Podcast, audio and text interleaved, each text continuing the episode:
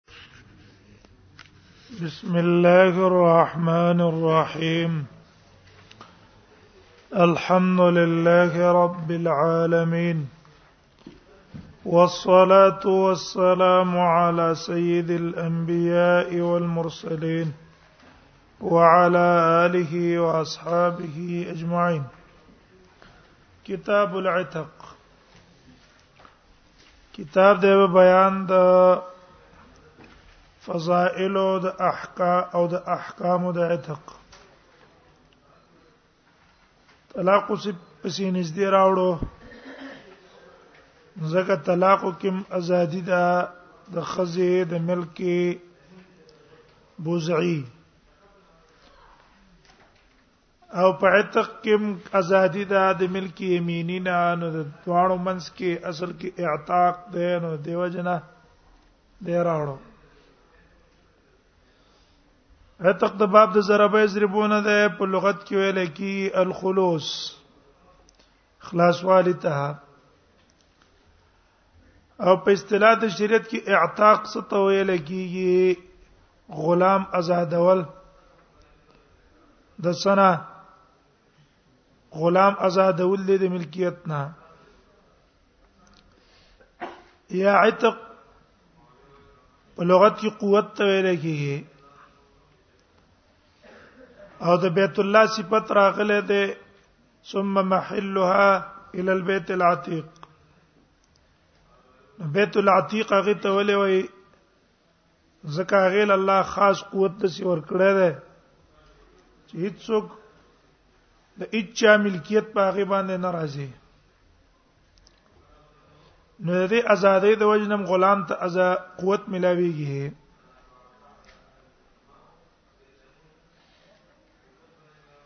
په دې باب کې مصنف رحم الله شپږ احادیث راوړي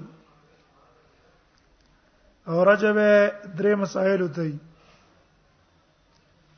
اوله مسله بیانېږي اجر الاعتاق یو سړی غلام آزاد کی په دې غلام آزادولو باندې څونه اجر او ثواب ملوي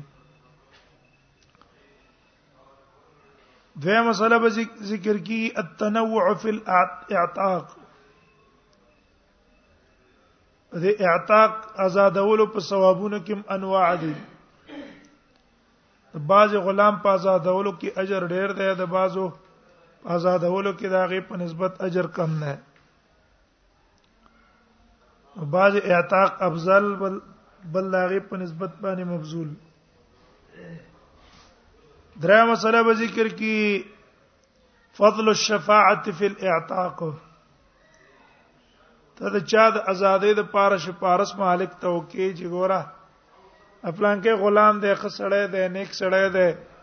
طاعت عبادت کوي مړ آزاد کا چې د الله عبادت او طاعت ته خوځګار شي طالب الله جل ثواب درکړي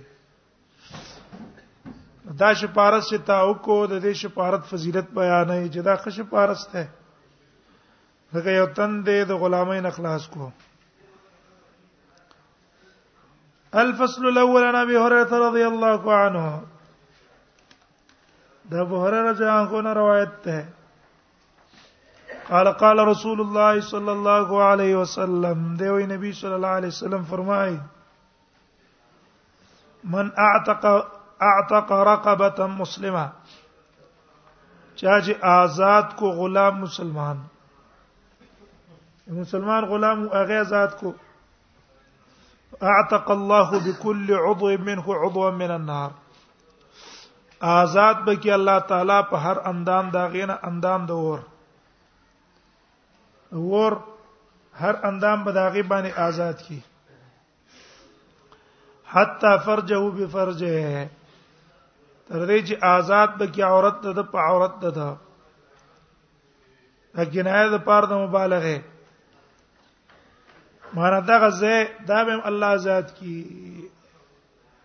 دا ذکر ذکر کو ذکر دا محل زنا ده او من افحش الكبائر زنا ده چا ویلی چې نه دا ذکر د پاره د تحقیر ده معنا د عام اندامونه خو پرې ده تر دې چې دا اندام به مله خلاص کی به علما د دې ټکی نه حتی فرج او بفرجه دا مسله راستله ده چې سړی د پاره سړی آزادول بهتر دی د خزې د پاره خزه آزادول بهتر دی د لپاره چې پوره ازادي د انسان دغه په وجه باندې راشي وعن ابي ذر قال سالت النبي صلى الله عليه وسلم اي العمل افضل د ابي ذر رضی الله عنه روایت ته وي ما د نبی صلی الله علیه وسلم ته پوښتنه وکړه اي العمل افضل کوم عمل غوره ده کوم عمل غوره ده قال وی فرمایل ایمان بالله ایمان په الله تعالی وجهاد فی سبیله او جهاد کول د الله په لار کې ورته نبی صلی الله علیه وسلم ته پوښ شوې ده په دې سوال باندې مختلف صحابه وکړه او نبی صلی الله علیه وسلم صحابه ته مختلف جوابونه ورکړي دې صحابي ته جواب ورکړی دی په ایمان بل صحابي ته جواب ورکړی دی الصلاه لوقتها اول ټیم باندې مونږ نبل یو تن ته تپوس کړی دی نبی سلام ته ویلي دي چې خوراک ورکول اطعام الطعام نچا نه جواب ورکړی بر الوالدین بیا علما وايي چې د نبی صلی الله علیه وسلم د سوالونو جوابونه بنا دي یا په اعتبار د اختلاف د اشخاصو او یا په اعتبار د احوالو اشخاص معنا دا ده یو تنې لیدل دی چې په دې کې د ایمان کمزوري ده نو ته ویلې چې بهترین عمل ایمان دی په الله بل تنه لیدل دی چې پاکي کمزوري ده د صدقې نه هغه ته سویل دي چې صدقه افضل ده او بل یو تن کې کمزوري کتل ده د ما د مانزه هغه ته یو مقص جواب ورکړ چا کې احسان ماده کم ده نو هغه ته د احسان ماده فضیلت بیان کړه او یا دا جواب بنا ده په اعتبار د اشخاصو د احوالو نبی سم کتری دي چې را اوس په خلکو کې فقر او فاقه ډیر ده صدقه او نفقه ته ضرورت ډیر ده نو نبی صلی الله علیه وسلم ترغیب انفاق تور کړی ده اجه کله کتری دي چې را جهاد دی نو نبی سلام د جهاد ترغیب ورکړه ده اجه کله کتری ده چې په خلکو کې جپا ده احسان نشته د مور او پلار سره نو نبی صلی الله علیه وسلم ول جواب په سبانه ورکړه بر الوالدین باندې ورکړه دا په اعتبار الاحوال اعتبار د احوال څخه خبره سکیږي بدلیږي کنه یو شي کې چې کم شي وخت راغی هغه عمل کول د هغه وخت مطابق پکې فضیلت او ثواب ډېر دی وانا بيزار قال دا وی قلت با ما او تل فی رقاب ابزال کوم په غلامانو آزادولو کې غوړه دي کم یو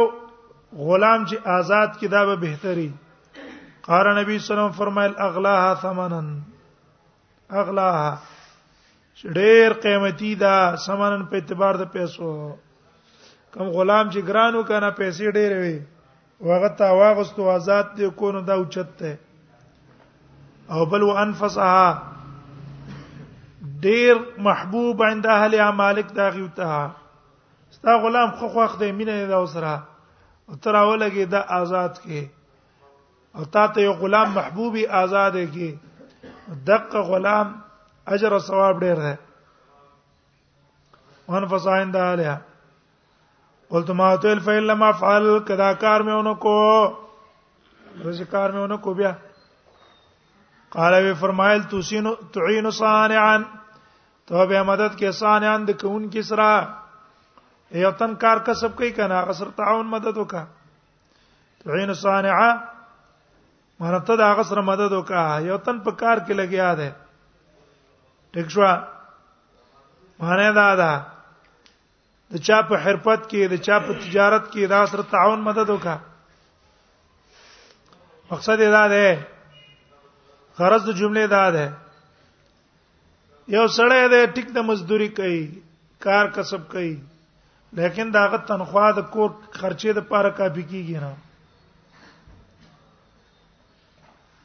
دیاړي کوي په دیاړي کې دا 3.5 سو 400 روپۍ اخلي او د کور خرچه 1500 روپۍ ده دا پوره کیږي نه ده کنه او بیا د اړې د ورځې پیدا کی په ورځې خوري او په کوم ورځ چې د چټي راشي یا باران وشي چټي راشي نو په ورځ باندې بیا دا مجبورې کنا او ته د څه کسانو سره تعاون او مدد وکړه دا مو وایي چې دا مړه دا کار کسب والا ده ټیک د کار کسب والا ده خو کار کسب یې څنګه ده پوره کیږي کنه پوره کیږي او تصنع علی اخرقا یا بکار پیدا یا تکار پیدا کړي اخرقا د هغه چا د پاره چې هغه عاجزي د کسب نه خرق چاته وي کار کسب نشي پیدا کولای تلاړ شي اغله موزیکی مزدوري پیدا کې لکه دا سړی دی تاسو سم مزدور لګیږي دا به تاسو څوکیداری دا ځای سم جارو کې په کسبانه کنه دا په تاسو دا ځای کوي دي څوکیداری بدل کړي الکه مزدور د څه سم لګي دا ځان سم مزدور ک تنخواه ورکوه نو په ډی پټي دی او تن اولګو په کار هغه ته تنخواه د غزنه ملاوي کې دا یو بهترین عمل دی پسړی کې با خیر خوای د مخلوق ساتي عالم او د محمد رسول الله صلی الله علیه وسلم وارث هغه په پسړی کې خیر خوای د مخلوق چیرې انسانانو ته څو رسیږي خیر او رسی خیر خوای بلټه او چې خیر خوای دی په ځړه کې نه وا بس دا ستاد تبعی ده او کلم چې په ځړه کې خیر خوای وا الله به تا خصاتی ولې وای سړی چې بل چاته دعا کوي کنه په غیابت کې نو ملائک څه وایي ولکه بمثل ذلک دقه سي چې تبل خیر خوای لټه الله وي بس تا د پاره دا شوا خیر خوا به خیر خوا دیو جنا دا کم کسان چې الله مخ کې بوتلی دا په خیر خوای الله بوتلی زړه کې زدا زړه کې خیر خوای دا او دې خیر خوای باندې الله غویل ترقیم ورکړه او دې خیر خوای باندې الله مخ کې بوم لا او تصنع علی اخرقا او یا به ته څه پیدا کې کار به پیدا کړي اخره قد هغه چا د پاره چې هغه به کسبي قلت ما اوتل فإلا ما فعل کدا ټول کارونه مې ونه کړې شو مې ونه کړ بیا نبی سمیر خاصه سیده تدع الناس من الشر پرې دې وخلق د خپل شر نه چاته بازار نه ورسه تکلیف نه ورسه فانها صدقه زکه دا خلق نه د zarar د پکول دا صدقه دا چې ته صدقه کې په دې اعلی نفس کې په خپل ځان چې هغه ته zarar نه رساو کنه دا دې ځان څخه غړاو کړه ولې کاغی ته zarar رساو دا zarar خو وبال پتا باندې کنه ده ولا يحق المكر سيء الا باهله وزان دي صدقه شوه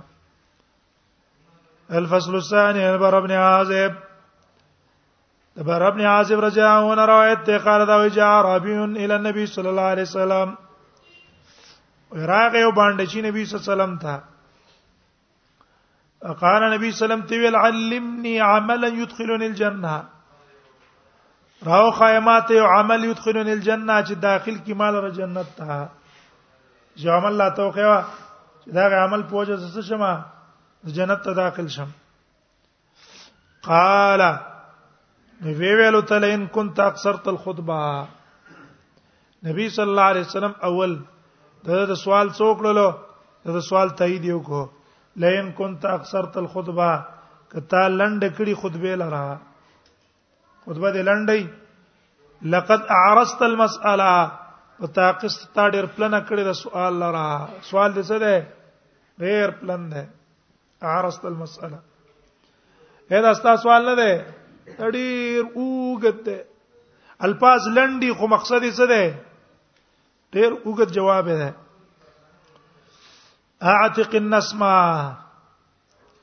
جنت ته د تلو لپاره یو اسباب دا ده عاتق الناس ما آزاد ک غلام لره ورځ باندې خور سه دی کنه اکثر تل خطبه معنا عبارت دی لند ویلو چې عمل لا ته خو جنت ته می داخل کی لیکن د دې جواب څه ده سوال دې ډیروګت کو معنا د دې جواب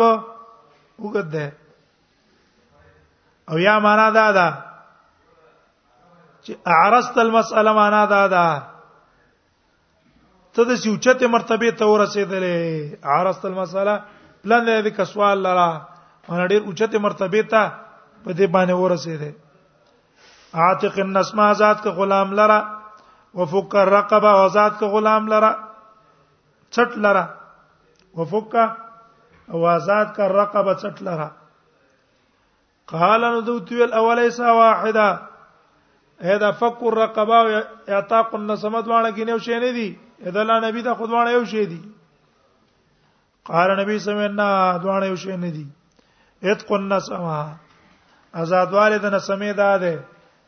ان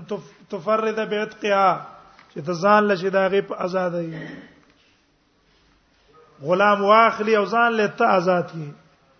بل څوک تاسو پکې شریک نه او فک الرقبه څه ته وایي وفک الرقبه او فک الرقبه دې ته وایي ان تعين في ثمنها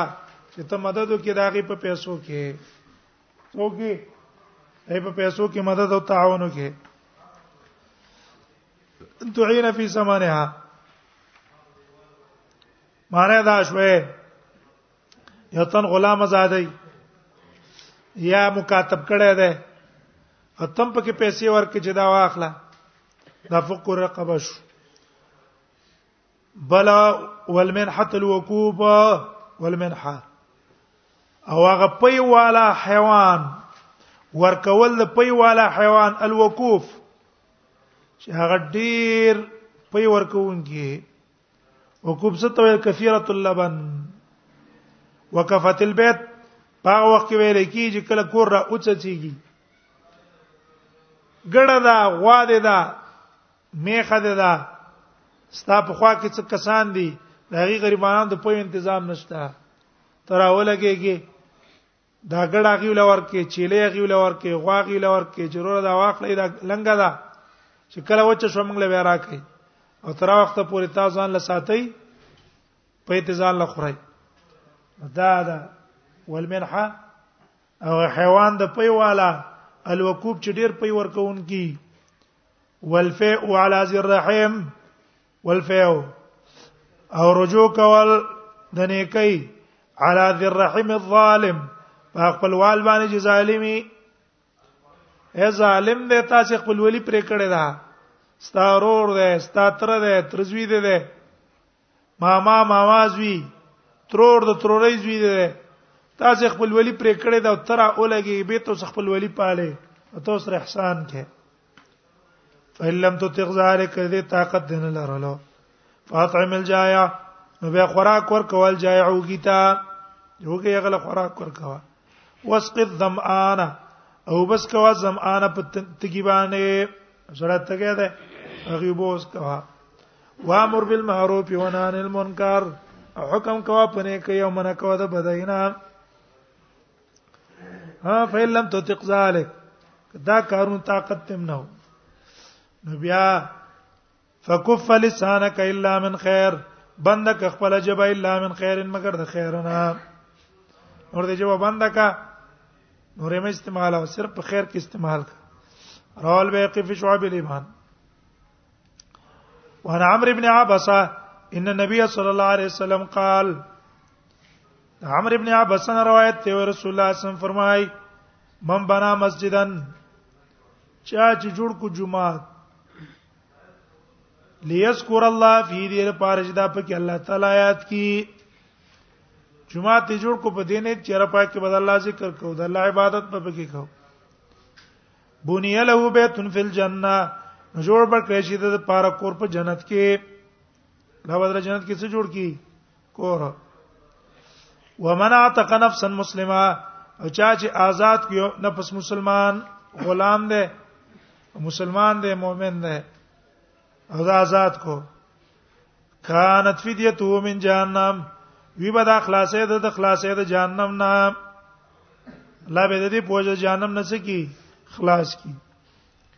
ومن شاب شیبتن فی سبیل الله او هغه څوک شاب شیبا چې سپین شو سر د د الله په لار کې مانه اسلام کې را داخل شوی دی دو کوټیوال نه تر دې چې سر کې سپینواله ولګېدو كانت له نور يوم القيامه نو دا به در پارنا پرز د قیامت قیامت پرز بدل زی سبب درنا كانت له نور يوم القيامه رواه فی شر السنه غلام ازادیم ته معلومه شو جمعه جوړول فضیلت ته معلوم شو او چې سړی د ورکوټیوال نه په ځواني نه په اسلام کې داخل شي کرې چې په اسلام کې یې رسمي نه شي دا د لپاره فضیلت شو الفصل الثالث عن الغريف بن ديلمي قال اتينا واثلة بن الاسقاع غریب ابن دیلمی وای وای من غرالو واصل ابن الاسقعتا فقلنا من قلت الحدثنا حديثا من ته بیان کوي حدیث لیس فی زیادت ولا نقصان چې نه پای کې زیادت او نقصان معنی دا ده چې ډیر تفصیل امر ته پکې مکه او کمبوتم پکې مکه وا چې څنګه د نبی سلام نه اوریدلی حق سره ته وایا فغضب رب غصه شو غصه ته په دې باندې شو چې ګورا په خپل خو په قران کې زیادت او نقصان کوي د ناراستۍ د وجه نه په یاد قران وای او یو آیات به ایسته په کې زیادت په کوي خدای لا سم دانه کی چې قران راواله په کې وګورئ رضی آیات کې څنګه ده خلک د سې کوي کنه تلاوت په ټیم کې په یاد تلاوت کوي او قران سره نه نو راخ راخ لینه د ناراستۍ د وجه نه زموږ به بیرستو ګورو او ما غزي په ورتیر شي خپل خود څه کوي او ما ته چې پاتې شو کې څونه کا غاظبه په غوسه شو وقاله ویل نه عاده کوم یو تن تاسو له اقرا قران لولي ومصحف او مصحف د معلق فی بیته راز وړاندې د په کور کې فیزید و ينقص دغه زیادت او نقصان کوي پروا نه کوي موږ ته چې حدیث بیان کوم ته زیادت او نقصان پکې مکه وقلنا موږ انما اردنا حدیثا وزمن اراده وا معنی دا ده حدثنا ليس في زيادة ولا نقصان دا مقصد هم نه ده چې ګینه ته په زیادت الفاظ په زیادت او په نقصان کې وڅنه کې اته مقصد هم نه وتا تا چې نبی صلی الله علیه وسلم کوم الفاظ اوریدل یا الفاظ مونږ ته وایا او په غل پاز کې باندې زیادت کې نه به نقصان کې دا مطلب هم نه دی اګه تا چې کوم مطلب واغست ولې دوی ته دا ویل کنه چې خپل په قران کې څه کوي زیادت او نقصان کوي سره دا غیر چې پاک روایت بالمعنا جایز نه ده قران روایت بالمعنا جایز ده نه تاسو هغه کې کوي او د نبی سم احادیث روایت بالمعنا جایز ده او ما ته وی چې څه پکې مکوا زیادت او نقصان پکې مکوا دی ویل جنا دا مطلب هم زمنګ نه ده خیر الفاظ ویل شي او مقصد هم دا دی چې حدیث د چای رسول الله صلی الله علیه وسلم فقلنا موږ ویل انما اردنا حدیثا زمنګ اراده په دې خبره باندې غا حدیث سمعته من النبي صلی الله علیه وسلم چې د نبی صلی الله علیه وسلم نه تاوریدلې بل چا خبره پکې نه فقال غول سید بیا اتینا رسول الله صلی الله علیه وسلم من رالو نبی صلی الله علیه وسلم ته فی صاحب لنا او جبا صاحب لنا په بار د صاحب زمن کې او جبا چې واجب کړو یعنی اور پزان باندې اې د یو عمل کړو چې هغه سبب د پاره د دخول د وره یعنی النار بالقتل واجب کړو ځان د پاره اور بالقتل پنا حق وجلو پنا حق قتل کړو پنا حق او پنا حق یې سره مؤمن وجني نو قران کې دی و مې یقتل مؤمنا متعمدا قصدن د مؤمن اوجلو الله په غضب باندې بخته مشاو په جهنم کې اقار نبی صلی الله علیه وسلم ویلا اعتق عن تاسو غلام آزاد کې د طرف نه یوتق الله گو آزاد به کې الله تعالی بكل عضو منه عضو من النار هر اندام د غلام عضو منه یو اندام د دې سړی نه من النار د ورنه د دې غلام په بدله کې به الله دا سړی جهنم نه روباسي ګور غټ فضیلت شو کنه چې څه بګيږي دا قاتل بم په الله څه کی ور نه وي بچ کی رواه ابو داود او نسائی وعن سمره بن جندب سمره بن جندب نے روایت ته قال قال رسول الله صلی الله علیه وسلم نبی صلی الله علیه وسلم فرمای افضل الصدقه الشفاعه وی بهترین صدقه شفاعت ته بها تفک الرقبه چې دې شفاعت په وجه باندې ته آزاد کی څل را الرقبه څټ لرا انسان څټ پاګې باندې څه کې آزاد کی یو مالک دی هغه غلام دی نیک سړی دی او هغه د دین څو د عبادت سره علم سره شوق ده خو د مالک په خدمت کې بند ده تلاړ شیخ ته شپارس وکي دوی مړه دا سړی آزاد کا څه به کې نور غلامان نشته فرید د آزاد کده الله عبادت بکی طالب هم الله جره ثواب درکې او تاغه است راپورته کو د پازا دولو دا بهترین شپارس ده کنه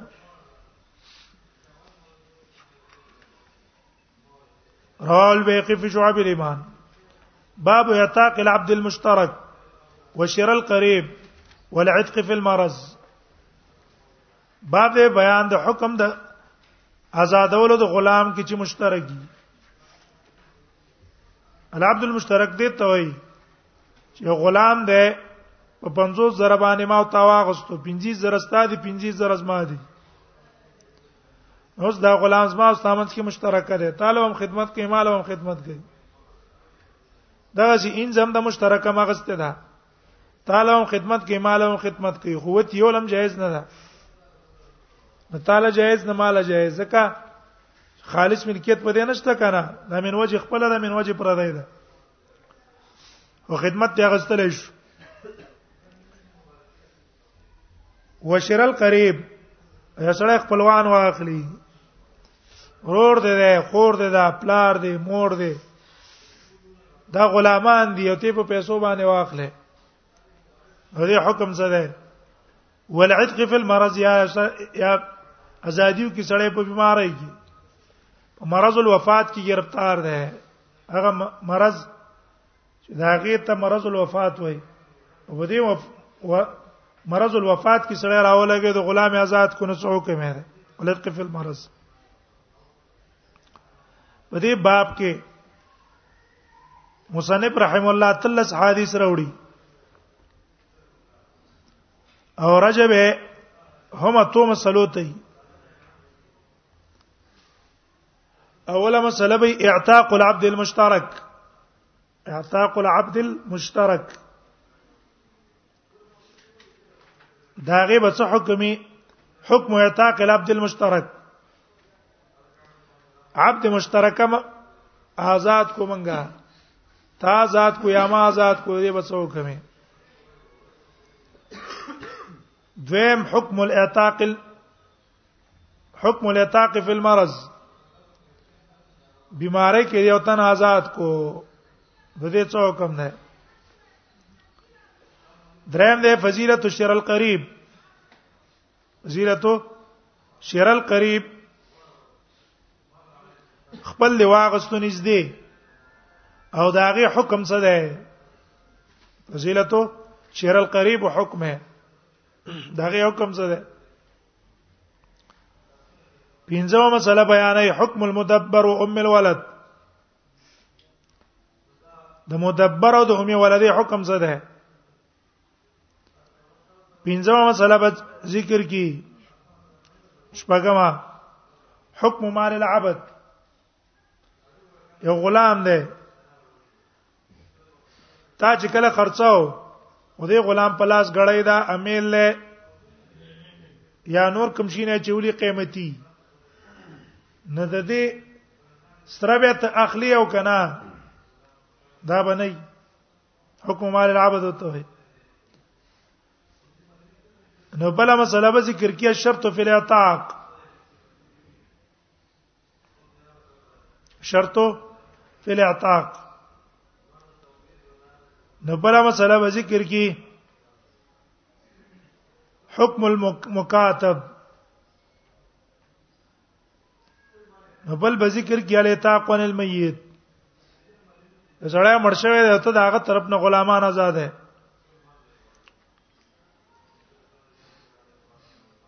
عن ابن عمر قال قال رسول الله صلى الله عليه وسلم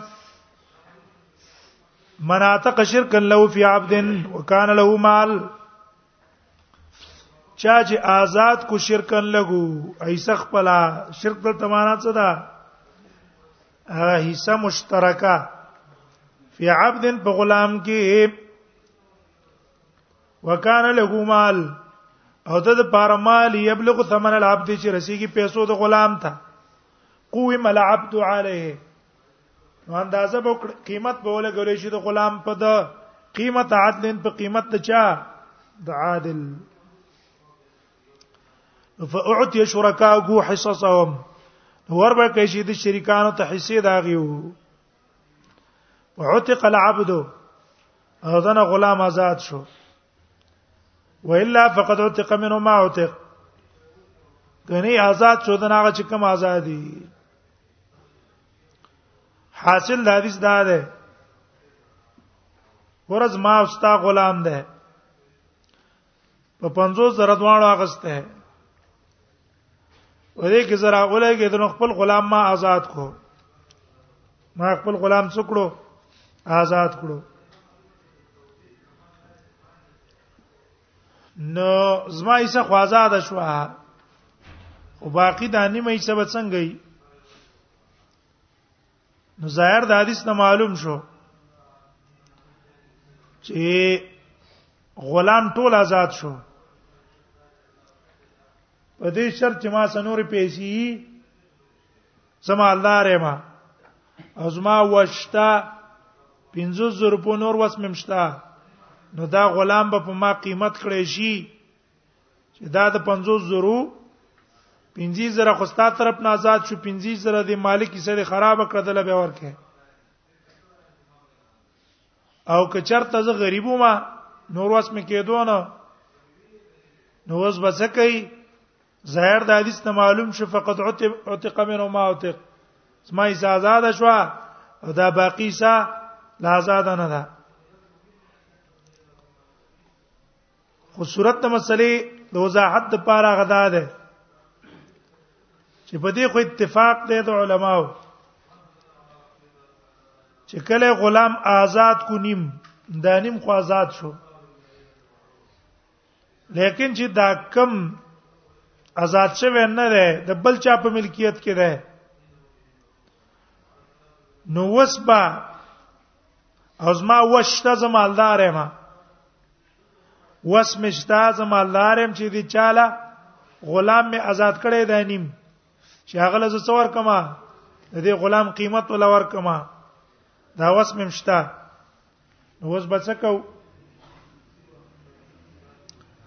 نو په دې کې اختلاف ده امام شافعي او ابن شبرما او اوزاعي سفیان ثوری او ابن ابي ليلى او صاحبان او امام احمد او اسحاق ابن رهوه او بعضی مالکیان دا غي مذهب دا ده چې چې څنګه ما خپل ایسه آزاد کړه نو بس په دې باندې دا بل ایسه ما آزاد شو دا بل هم څه شو عتق بنفس الاعتاق زما په ازادي باندې غبلې سم آزاد شو دا پوره غلام آزاد شو او اوس به قیمت ولګول شي د غلام چې د 50 زرو نو زه چې مالدار یم نو 50 زر روپۍ به زه تاوان چاله ور کوم 50 زر روپۍ به تاوان دقه کس لور کوم چې د چای سو نیمه غلبه ور کوم دښوا او اق شریک چې کوم دی هغه به د خپل حصے مطالبه کوي صرف زما دونه پیسې کیږي ابا را کوي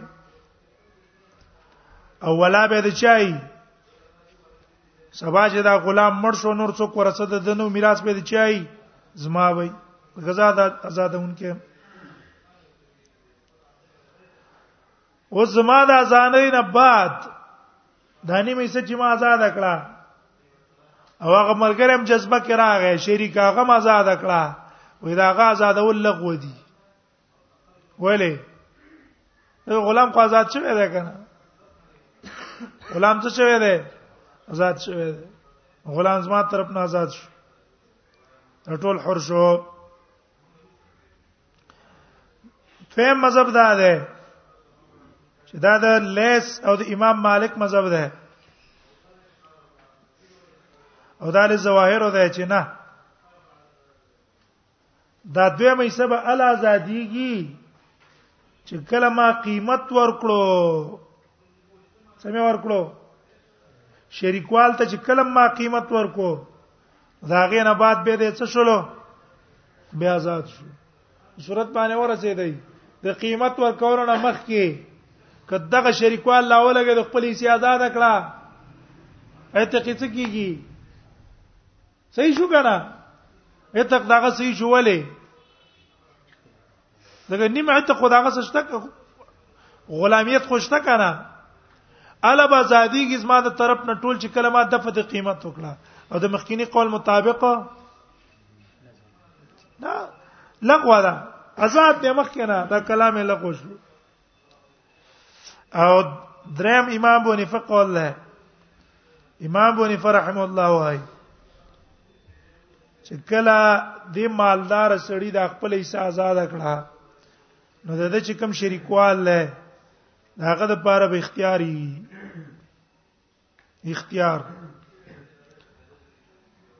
که خوخه دی چې دی غلام ته وی چې لکه غلامه ستا په نیمه حصہ کې زما 15000 روپۍ دي ته د چلوکا ستانیم قیمت 15000 دی ټول قیمت دی 50000 نیم خو ته آزاد شوی نیم ته بندې ترا اولګه 50000 روپۍ مال پیدا کړ دا 25000 روپۍ مال څخه آزاد کړي ته استسعاء وي دته څه وي حدیث کې چې راځي استسعاء العبد استسعاء معنا دا ده چې ته څوکا دیني میسی قیمت مال پیدا کا نو که خو خید دي شریکوال غلام باندې زور راولي هغه زادون کې ته نه وای دته دی وای که خو خی ایسری ځان له دقه سي آزاد کی او که خوخی نو د شریکوال نه دي څوک کی مطالبه وکي سو صورتونه دل شو یا د غلام نه غواړي یا د دقه سي آزاد کی او یا د چا نه غواړي د شریکوال نه دی غواړي او شریکوال به څه کوي شریکوال چې کله هغه معتق پیسې ورکړې دي شریکوال لا نو دا معتق برا لګي غلام ته بو جوړ اورا نیم خو تم آزاد کړي وي خدای نیم خو په ما ستاسو طرف نه تاوان راغلی وو شابه دا تاوان ما ته څه کا ما ته ډکه انا راځي دې خبره ماته څه کا ستا په سر کې ما شریکوال څو غستري دي 25000 روپۍ ما نه واغسته ستا په سر کې ما نه 15000 درې دي دا پیسې ما ته راډه کې کا دا کوم صورتو آزادون کې موثر دی مالدار دی او که چرته آزادون کې د خپل سي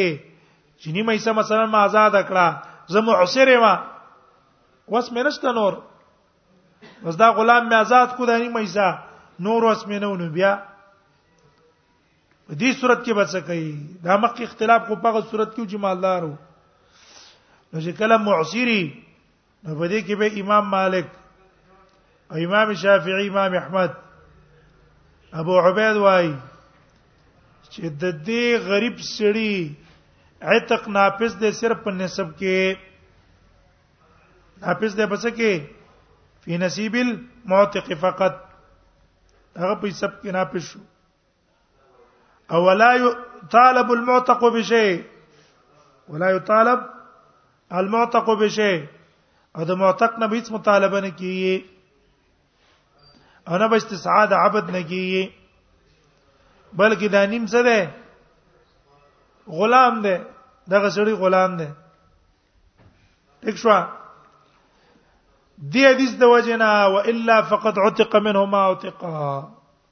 والا حدیث د عبد الله ابن عمر د وجه نه کنه والا فقد عتق منه ما عتق او که چرته وسی نو آزاد شو دنه کم چې دنه آزاد کړی شو دیم قول د امام ابو حنیفه ده او ابن شبرمه ده او اوزاعی ده او اسحاق ابن راهوی ده هغه و یستصل عبد فی حصه الشریک کله چې دا آزادون کې غریبو نو هغه مقابل شریک به را لګيږي دی غلام ته وای شابه ستانی مازه نیمه حصہ دی آزاد شو نیمه حصہ دی په 15000 روپو کې بند ده 15000 روپې مال پیدا کا آزاد ټیک شو فیصد شریک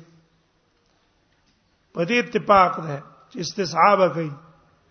خو د دې اختلاف ته چې دا غلام راولګېدو او دا 15000 روپۍ دغه مالک ته ورکړي د دویم مالک ته نو آیا دا تاوان به ته دغه ولنی مالک نه غستې شي کني شي غسته انیم چې ولا چا آزاد کړي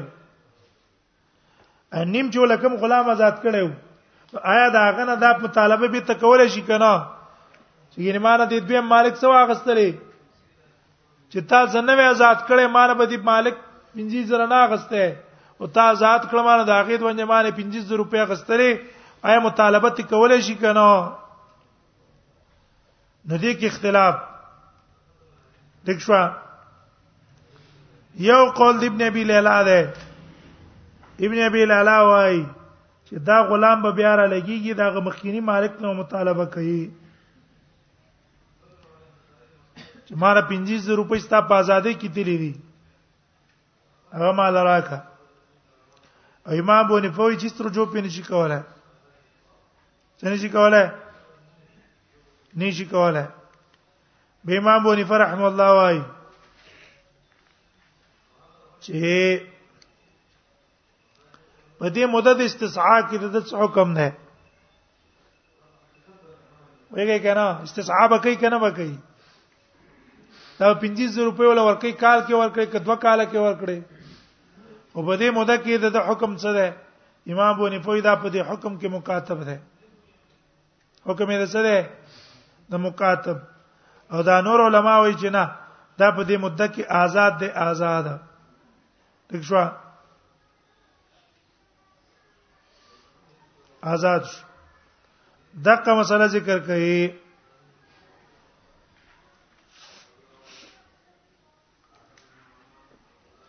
باب نو الا فقد وثق منه ما وثق متفق عليه وعن ابي هريره عن النبي صلى الله عليه وسلم قال من اعتق شخصا في عبد چا چې آزاد کو شخصا سیسا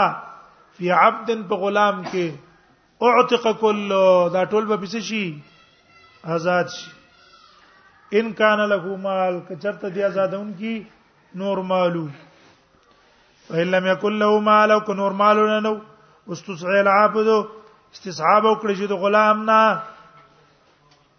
غیر مشقوق علیه استدعي العبد غیر مشقوق نه له چې په هغه باندې با سختی را وستلې شوی نه سختی به نه راواله متفقون علیه وعن عمران حسین رجل ناطق سته مملوکین وی آزاد کړ شپه غلامان عند موت په وخت د مرګ کې لم یکن له مال غیرهم او نو ته د پاره مال په غیر د دیونه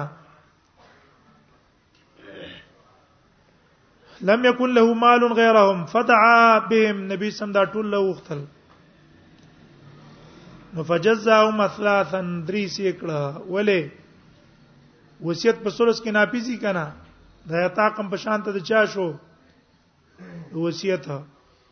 زکه درې سي کړه ده د یو طرف ته کړه دوبل دوبل ثم اقرا بینهم به داغي په منځ کې خڅړې واچو فاتق اثنين دوی ته آزاد کړو وارق اربع سلورتي غلامان کړو وقال له قولا شديدا او نبی صلی الله علیه وسلم ته ډېر سخت خبره وکړلې سخت خبره ته کې چې ولې ورسو ته زر ورکه تیر کرتے به وسړی وې جنت ته بنځدي او په وخت د مرګ کې به وصیتو کی ضرر به ورسو ته ورکی استداغه پوجا به الله جهنم ته بوزي ولې دا کار کوي وقال له قولا شديدا وفي روايه ابو داود او روایت ابو داود کې دي وقال وی لو شهدت قبل ان يدفن زه ته حاضر شوی وې مخکې دینه چې دا د پن کړی شي لم یدفن فی مقابر المسلمین دا به نه د پنځوي پادریو د مسلمانانو کې په مال تفریق هم نه وي زجران دا خبر او کړه وانا به اورته قال قال رسول الله صلی الله علیه وسلم دا به اورته ځان روایت رسول الله صلی الله علیه وسلم فرمای لا یجزی ولد والدا بدلنی شي ور کوله بچي خپل پلار ته الا یجدو ها مگر ال چې مندي کې غلن مملوکان غلام فیشتری او په پیسو یې واخلي فیعتق او آزادی کی دا من وجه غل څو ور کړې شو بدل ول ور کړې شو فیعتقه ها بیا غد اختلاف دي د علماو چې څنګه ته د خپل ما من ملک زار رحم محرم سم دوار باندې ازاديږي په دې نفس شرا او کنه دې نرستو به څکه آزاد به يعتقه رواه مسلم وعن جابر ان رجل من انصار تبر مملوكا ولم يكن له مال بس په دې